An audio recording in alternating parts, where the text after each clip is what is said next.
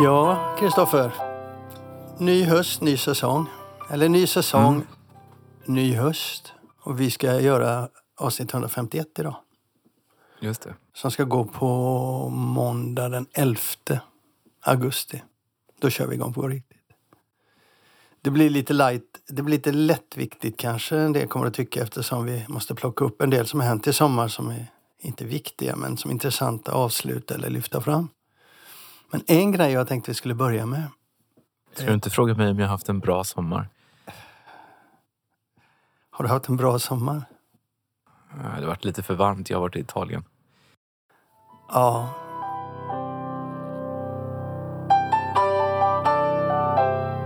Mm, sommaren har varit bra. Mm. Ska vi köra ja, då? Då sätter vi igång. Då Ja, det gör vi igång. Ja, det gör vi. Du, en grej som jag vet som du och jag väldigt lite i sommar inom mejlväxling, det var prisutvecklingen och kostnadstrycket på förlagen och bokbranschen. Den har ju förändrats lite. Det är inte bara frågan om papper, eh, tryck och, och logistik utan det är annat som kommer in nu. Jag vet att du är rätt bekymrad för det du kallar andra vågen. Ja, alltså i första vågen så var det ju framförallt papperspriser, energipriser och transportkostnader som ökade. Och eh, det har ju förlagen kompenserat genom att faktiskt skruva på sina priser lite grann. Kanske också skruva lite på sin utgivning och skruva lite på, på upplag och såna här saker. Men eh, nästa år så blir det omförhandling av de stora avtalen på kollektivsidan. Och eh, det blir svårt att hålla tillbaka en, en ganska kraftig löneökning. Och sen har ju förlagen, det går, jag tror inte det går att skruva på priserna mer. Och eh, för förlag som har väldigt stora digitala intäkter så går det inte att påverka priserna alls. Nej, eftersom de Så inte det- sätter de priserna. Nej, de sätter inte förlagen. Så att med stor sannolikhet så kommer ju ändå den här inflationen att ha en, en eh, dämpande effekt på förlagens marginaler.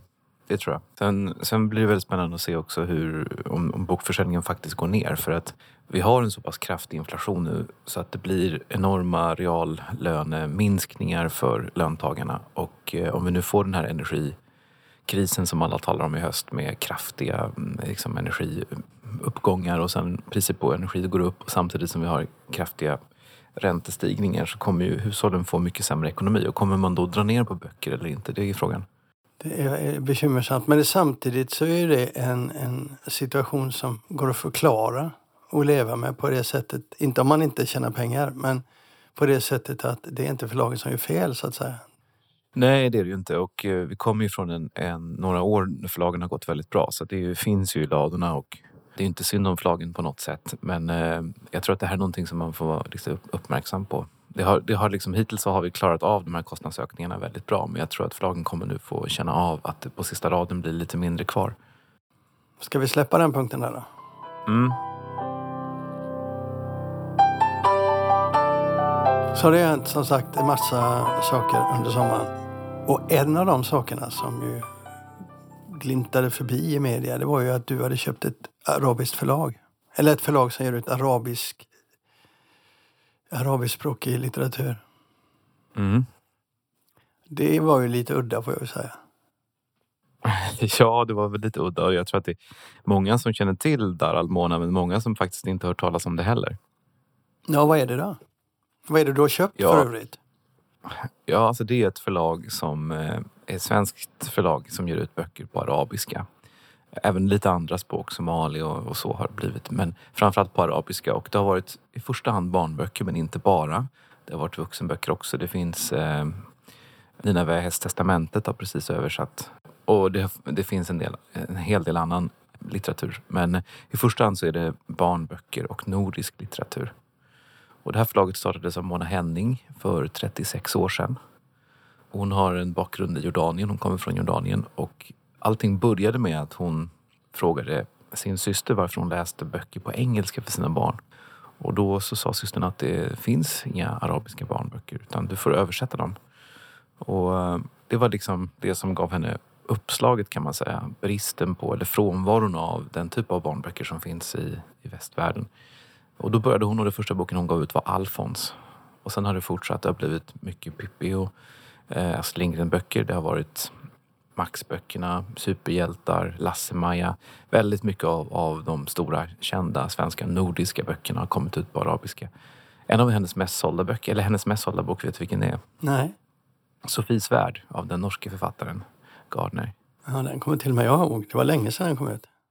Ja, det var länge sedan den kom ut och det är en sån här bok som bara säljer och säljer och säljer år efter år. Den är, den är liksom eh, den är tacksam i arabvärlden för att den ställer många frågor, många existentiella frågor utan att blanda in religion och utan att blanda in politik. Så den är liksom ofarlig. Mycket av de barnböcker då som, som eh, inte finns, det, eh, det finns ju barnböcker men mycket är religiöst eller det är väldigt pedagogiskt men, men eh, den här typen av, av barnbokstradition som vi har i Sverige finns inte riktigt där. Men det är egentligen inte arabvärlden som är den stora marknaden, va? Är det? Jo, det är det som gör det här förlaget speciellt. Det finns ju, Bonnier har ju en satsning också på minoritetsspråk som ju väl först säljer böcker i, i Sverige. Men 70 procent av omsättningen från Dar Al Mona kommer från Mellanöstern. Det är lite intressant eftersom jag vet att där finns inte den strukturen för bokförsäljning som vi har i Europa. Jag blev väldigt paff första gången jag förstod det, det faktum att eh, bokmässorna är så viktiga i arabvärlden. Folk kommer dit och det är där man köper mycket böcker. Man kommer med resväskor som man fyller med böcker bara för att man inte har tid eller man har inte möjlighet att köpa böcker på annat sätt. Nej, det stämmer. Det finns ju bokhandlare, men de är ganska få. Det finns en här och en där. Men de här bokmässorna är väldigt viktiga. Och eh, Almona är med på bokmässor i alla möjliga länder. I Kairo, i Riyadh, i Abu Dhabi. Och det är, nu i september så är det en bokmässa i Amman som jag ska försöka åka på. Wow! Det var därför du köpte förlaget, för att du skulle få resa lite mer alltså? Jordanien ser, ser jag verkligen fram emot att åka till. Men också för de som inte vet då, att när man pratar om bokhandel i arabvärlden så finns det några av de största och finaste i eh, en del storstäder. Men, men i övrigt så finns det inte särskilt mycket och de som då finns i övrigt är liksom hål i väggen mer. Så det är väldigt, väldigt olika. Ja, jag, jag, vet inte. Jag vet för lite än så länge. Men det framförallt finns liksom ingen infrastruktur. Det finns inga bokhandelskedjor och sådär. Um, en del av böckerna har... Det finns böcker som, som Daralmona ger ut som, som finns, har kommit upp på skol, skolschemat. Vad säger man? på Böckerna har delvis varit, varit, varit med i undervisning så det finns ju även jordanska skoldepartementet och sånt har köpt in en hel del böcker. Och det är ju väldigt roligt. Men det är ingen stor affär, eller är det? Jag menar omsättningen är inte jättestor. Omsättningen är inte jättestor, men det är ett ganska lönsamt förlag. Ja, och eh, den förra ägaren då, hon ska vara kvar i förlaget förstod jag på dig? Ja, Mona Henning ska jobba kvar tills vidare. För just i den delen av världen är det väl väldigt mycket beroende på människor som inga strukturer finns. Det är helt är avgörande att man kan hur marknaden ser ut. Så är det. Ja, ja. Vi får återkomma till det när du eh, ger oss kvartalsrapporter därifrån. Var jag rolig nu eller? Uh, ja, du var väldigt rolig där.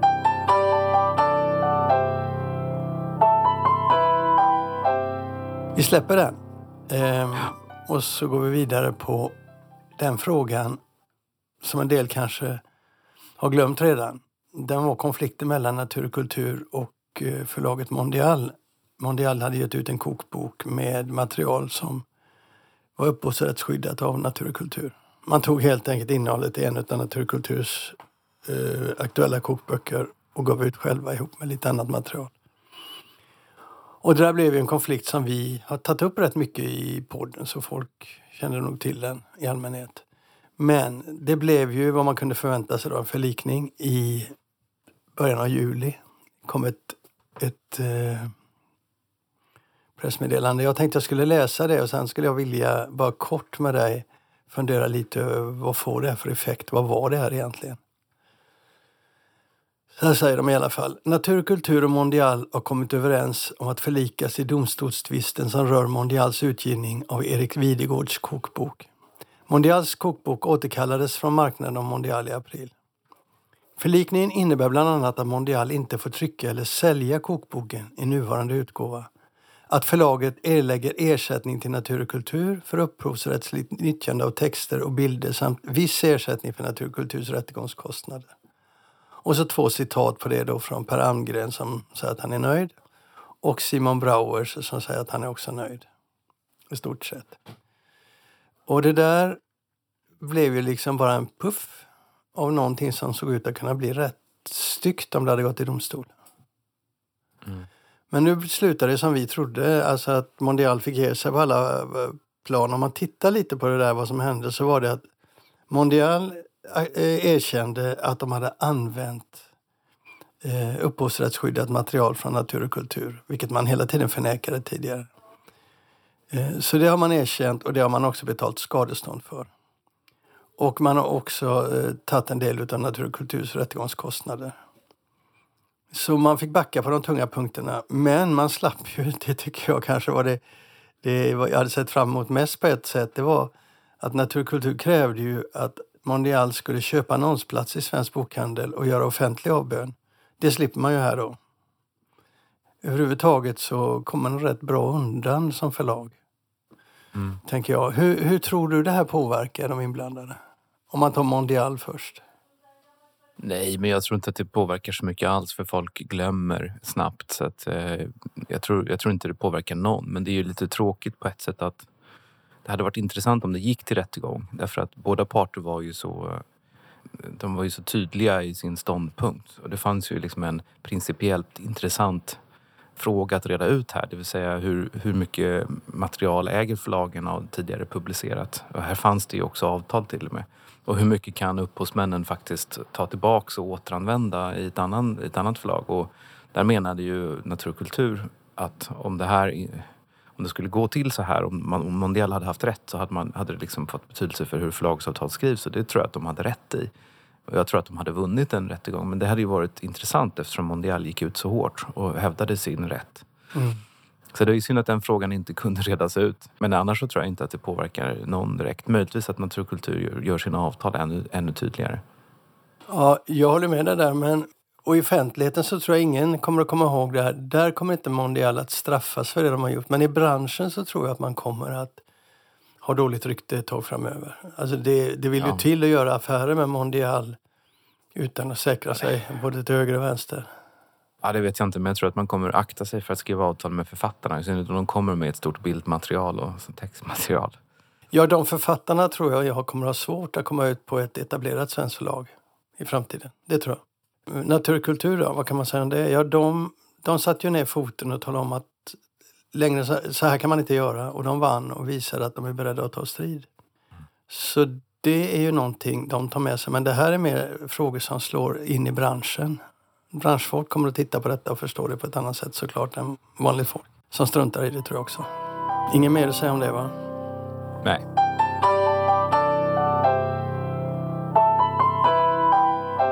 Sen har det ju skett en, en intressant sak. Hur ska jag nu säga det här tror jag? Jag hörde att du blev snuvad på ett förlagsköp av Bonniers. Stämmer det? Nej, så var det verkligen inte. Bonniers köpte ju i våras historiska media. Ja. Vad tänkte du om det när du såg det? Alltså, det, ju kommentera din plumpa inledning. Eh, jag hade själv kontaktat Erik Osvald och sagt till honom en månad innan köpet blev offentliggjort att om han någon gång funderar på att sälja sitt fina flagg så kan han alltid höra av sig till mig. Och jag fick ett lite kryptiskt svar som jag ju sen fick en förklaring till. Så det var anledningen till ditt, din inledning. Men, nej, men historiska media, att de säljer, eller att Erik Osvald som äger det, säljer det till eh, Bonnier är naturligt och inte konstigt. Det är, han är i pensionsåldern och eh, förlag tenderar ju att säljas någon gång om inte någon ska ta över dem. Så det är inte något märkligt. Och att Bonnier köper inte heller konstigt. Det är ett fint och välskött förlag som ligger i Lund som har, hade en historisk utgivning men som sen har breddat den så att det blivit mer och mer skönlitteratur. Ja, Bonnier ska behålla dem i Lund och det tycker jag också är väldigt spännande och antagligen väldigt rätt av dem. Ja, det tror jag. Det, det är ju en eh, Alltså det kan vara en fördel att vara ett förlag i Stockholm men det kan också vara en fördel att vara ett förlag ute i landet för att det finns så få. Så det är ju inte dumt att ha en satellit i Lund som kan fånga upp författare i södra Sverige. Jag tror att det är väldigt rätt tänkt. Sen gäller det ju verkligen att Bonnier låter dem inte bara vara en satellit utan också vara lite självständiga. Inte kräva massa kassaflödesanalyser och kvartalsrapporter av dem som, som eh, de, är, de är för små för så att säga. Ja, det där är ju det där är intressant för Historiska Media är ju ett förlag som lite i skymundan, dock med Stockholms blick sett, och har lyckats otroligt bra och faktiskt när de har fått konkurrens av Bonniers, för det var ju de som etablerade den här historievågen som kom i början av 2000-talet, det var historiska Media. Och Bonniers följde upp det men de eh, lyckades inte så att säga slå undan historiska medias position. Så de har alltid varit ledande på detta och de har alltid varit oerhört duktiga. Och det där är ett förlag som startades av Björn Andersson och eh, Erik Osvalds. Jag tror väl var i slutet på 90-talet eller början på 2000-talet. Något sånt där, va? Det är över 20 år gammalt i alla fall. Mm. Och det har varit ett extremt framgångsrikt genom åren. Och det har varit väldigt roligt att följa dem för de har ju varit väldigt, väldigt, väldigt duktiga på att hålla efter kostnader och uh, kolla marknaden. Jag menar, Erik Osvald har alltid varit en, en väldigt analytisk människa. Har närmat sig det här som gammal journalist och, och, och med analytiskt öga och gjort det väldigt bra. Man ser vilka författare de har plockat, vilka, vilka nya vägar de har plogat genom åren. För det har de ju faktiskt gjort. Ja, och det är väl ett, också ett intressant exempel på att ett framgångsrikt förlag måste liksom ändra sin utgivning efter att tiden förändras och världen förändras. Och historiska medier hade det varit hade de gett ut samma typ av böcker som, som de gjorde när de startade hade de inte funnits kvar idag. Och det, jag tror inte det är många som tänker på att det är nog till större delen vad gäller omsättning och kanske framförallt lönsamhet så är det ett skönlitterärt förlag idag. Okej, okay. det har jag inte eh, haft en riktig koll på faktiskt. Men så är det. de, har ställt, de har ställt om ganska mycket de senaste åren och satsat mycket på sånt som går bra i streaming och sådär.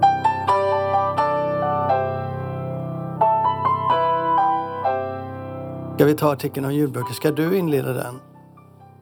Så inte jag inleder allting. Den är författaren, du vet. Det var en artikel i eh, tidningen Författaren som vi ju läser.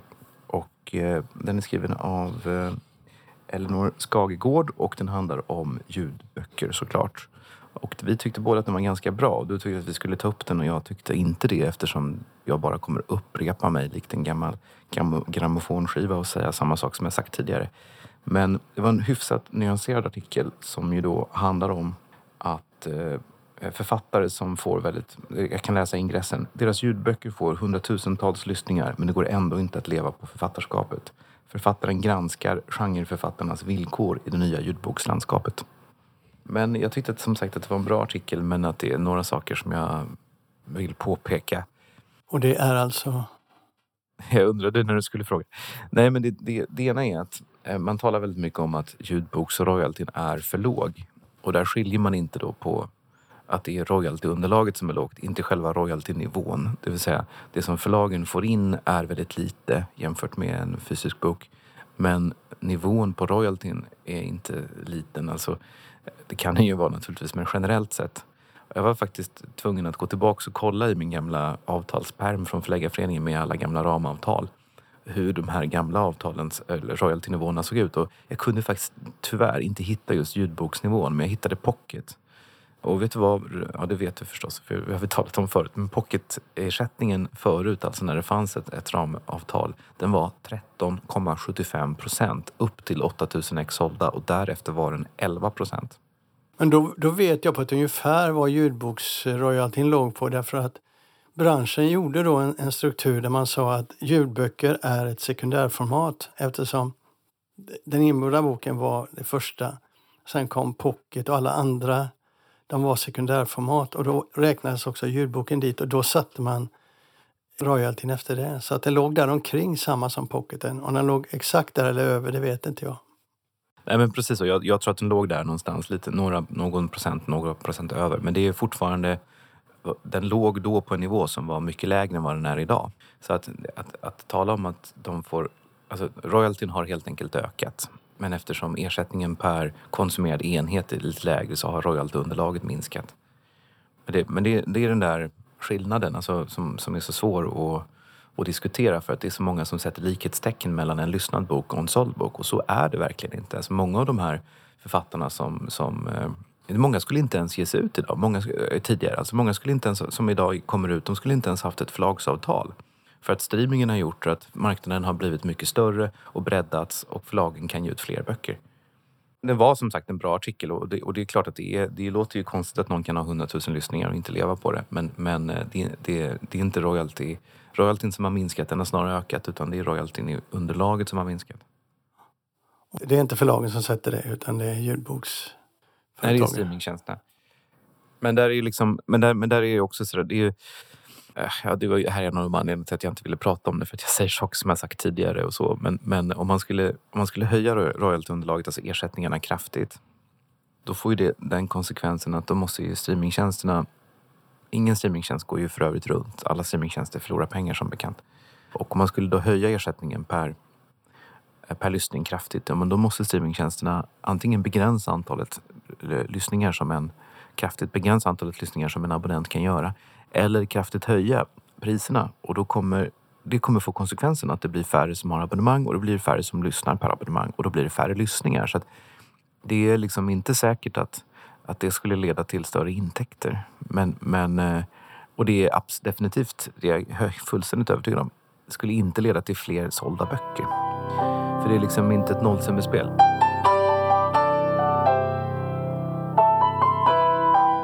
Du, en, en grej som jag tyckte var lite rolig, men jag antar att du inte tyckte var så rolig.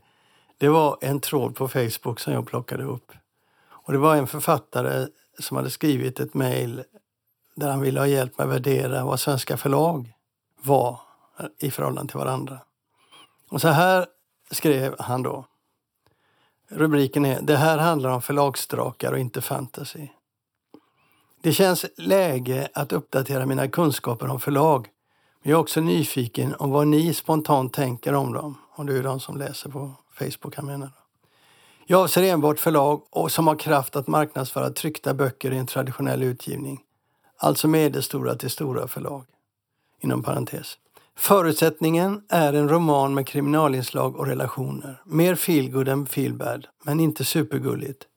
Det kan hjälpa oss som ska skicka in senare i år han menar väl manus där kan jag tro. Men för mig personligen är det också research till en karaktär. Betraktelsen försvåras av att många förlag är inprints i förlagsgrupper som Bonniers och Norstedts och inom parentes, jag har inte järnkoll på alla. Detta är också högst subjektivt, så berätta vad ni tycker, men även om, om jag har med en negativ kategori så vill jag hellre höra de positiva. Jag skulle vilja ha förslag och motivering i följande kategorier. 1. Drakarna.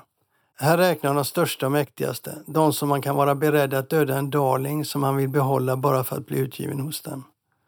Förslag på vilka de förlagen kan vara är Bonniers, Norstedts, Piratförlaget, Harper Collins och så vill han ha mer förslag då. Grupp 2, Drakvalparna, inom parentes uppstickarna. Här tänker jag de som har en uppåtgående trend och kan bli drakar så småningom. Förslag, Lind Company och inom parentes då svaga på tryck? Frågetecken. Modernista, inom parentes röriga skriverier, slut på frågetecken. Grupp tre då är kameleonterna. Jag tänker mig förlag som är okej okay, men generellt inte har kraften till att få ut tryckta böcker. Förslag. Saga Egmont, inom parentes stora men skakig kvalitet, slut parentes. Lava, inom parentes mest hybrid men satsar nu även en del på traditionellt. Grupp fyra är basiliskerna, Förlagen som utger sig för att vara traditionella och inom parentes, och kanske är det, men som man av olika anledningar kanske bör vara tveksam till. Förslag Ekström och Garay. Och så avslutar han då. De som tar tillfället lanserar sitt eget lilla förlag eller posta om att man kan trycka upp som print on demand eller ge ut sig själv får en snigel på ögat.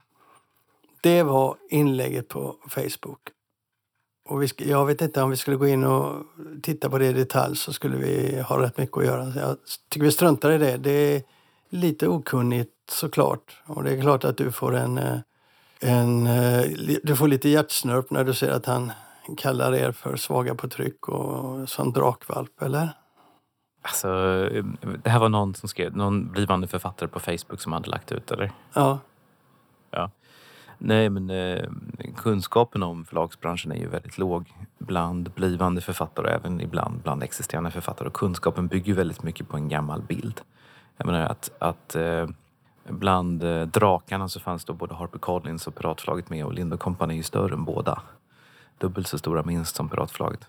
Så, att, så att det, det, det är ju väldigt, det är väldigt, eh, väldigt felaktig kunskap.